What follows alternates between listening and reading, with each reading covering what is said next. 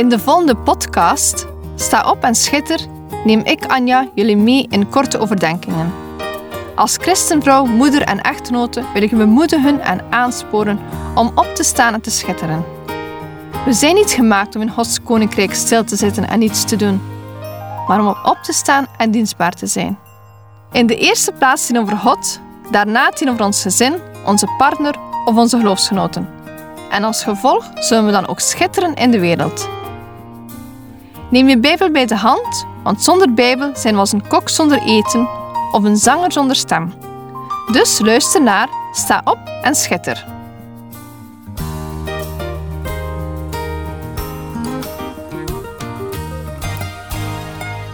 In deze zeventiende uitzending wil ik het thema de Heilige Geest bespreken. Het is een moeilijk onderwerp, want het aspect van de Heilige Geest is toch wel iets waar er vaak verkeerd mee omgegaan wordt en waar helaas veel verkeerd onderwijs wordt overgegeven. Dat is een reden waarom velen er liever niet mee bezig zijn. Maar laten we het kind niet met het badwater weggooien. Dat zou jammer zijn. We spreken hier tenslotte om God zelf. De Heilige Geest is God. En daar willen we toch zoveel mogelijk van weten. Daar willen we toch mee bezig zijn. Hem willen we toch in ons leven? Ik ga vandaag enkele zaken bespreken over de Heilige Geest die van Jezus komen.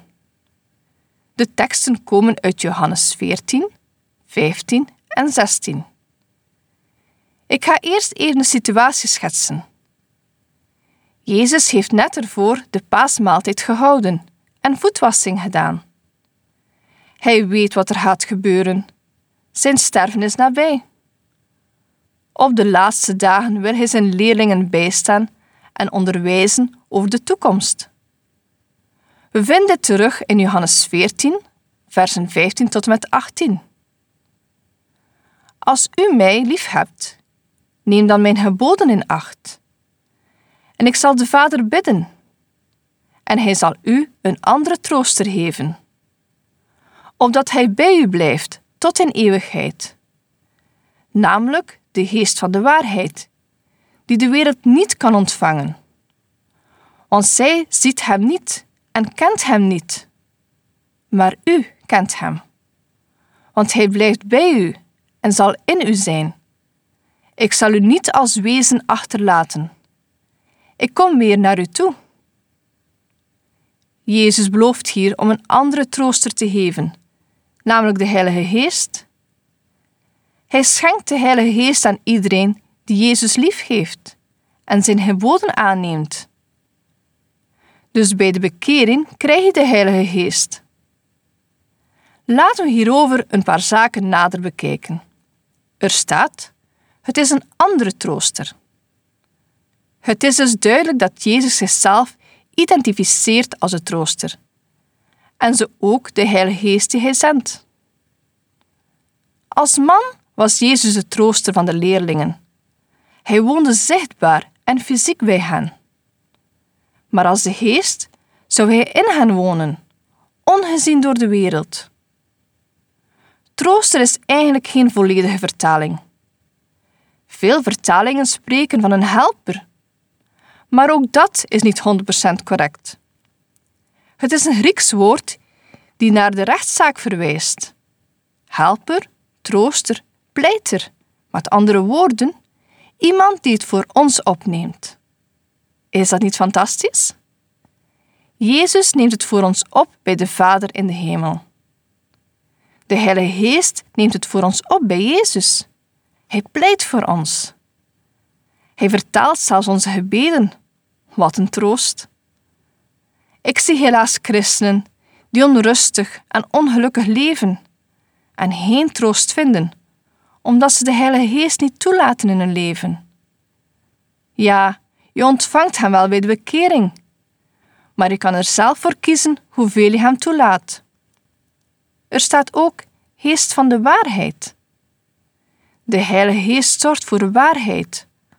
We worden omringd met leugens, van ochtends tot s avonds, door de politiek, door de media, door de marketing en door de medemens. Wat moet een mens nog geloven tegenwoordig? Wel, we moeten geloven dat wat de Heilige Geest ons duidelijk maakt. Wil je meer waarheid kennen? Strek je naar Hem uit. Laat de Heilige Geest toe. Heet Hem welkom. Neem tijd om te bidden en de Bijbel te bestuderen. Zoals ik al zei, je ontvangt de Heilige Geest bij de bekering, maar je kan er zelf voor kiezen hoeveel je Hem toelaat. Hoeveel wil je luisteren en gehoorzamen? Laat je snoeien door Gods woord te lezen. Een derde aspect die er staat, is die de wereld niet kan ontvangen. Jezus zegt niet dat de wereld de Heilige Geest niet wil ontvangen. Hij zegt dat de wereld hem niet kan ontvangen. Een ongelovige zonder zondebesef kan die geest niet ontvangen. Maar ook niet iemand die oppervlakkig gelovig is. Ik bedoel daarmee mensen die naar de kerk komen uit traditie of door de opvoeding. Ze noemen zichzelf gelovig omdat ze naar de kerk gaan, maar hebben geen eigen keuze gemaakt. Dus wil je de Heilige Geest voelen? Neem Jezus dan aan als je redder.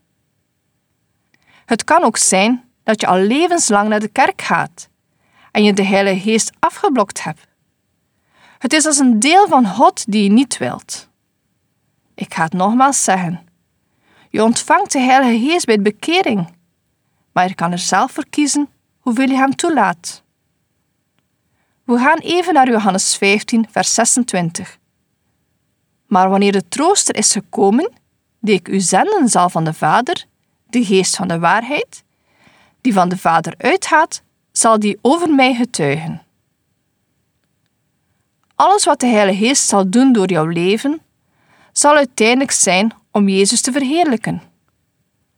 Om te wijzen op het reddingswerk van Jezus. De Heilige Geest zal dus helpen bij evangeliseren, het begrijpen van zijn woord, aanbidden ondanks moeilijkheden, bij het strijden tegen zonden en zal leiden in het leven om zodoende meer naar zijn beeld gevormd te worden. Hoe kunnen we onderscheiden wat van de geest komt of niet?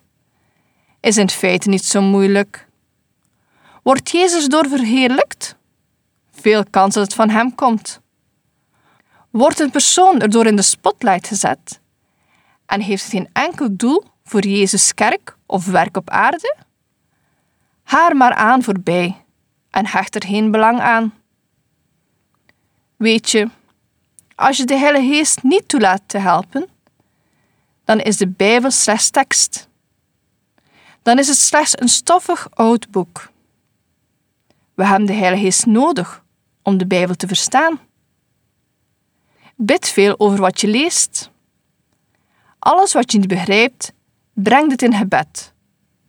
Zoek het op. Leg verschillende uitleggen naast elkaar. Bid voor je met de Bijbel aan de slag gaat. Weet je, ook veel christenen vinden geen hulp aan de Bijbel.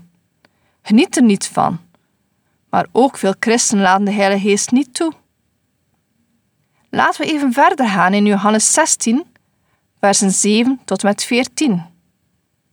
Maar ik zeg u de waarheid: het is nuttig voor u dat ik wegga. Want als ik niet wegga, zal de trooster niet naar u toe komen. Maar als ik heen ga, zal ik hem naar u toezenden. En als die gekomen is, zal hij de wereld overtuigen van zonde, van gerechtigheid en van oordeel. Van zonde, omdat zij niet in mij geloven, van gerechtigheid, omdat ik heen ga naar mijn Vader en u mij niet meer zult zien. En van oordeel, omdat de vorst van deze wereld veroordeeld is. Nog veel heb ik tegen u te zeggen, maar u kunt het nu niet dragen. Maar wanneer die komt, de geest van de waarheid, zal hij de weg wijzen in heel de waarheid. Want hij zal niet vanuit zichzelf spreken, maar wat hij gehoord zal hebben, zal hij spreken, en de toekomstige dingen zal hij u verkondigen. Die zal mij verheerlijken, want hij zal het uit het mijne nemen en het u verkondigen. Dat er zonde is in de wereld, dat is niet nieuw. Maar wat wel steeds meer wordt, is dat de zonde normaal wordt. Dat alles wat tegen God ingaat, maar aanvaard moet worden. Wat moeten wij daaraan doen? Wel, in de eerste plaats niet meedoen.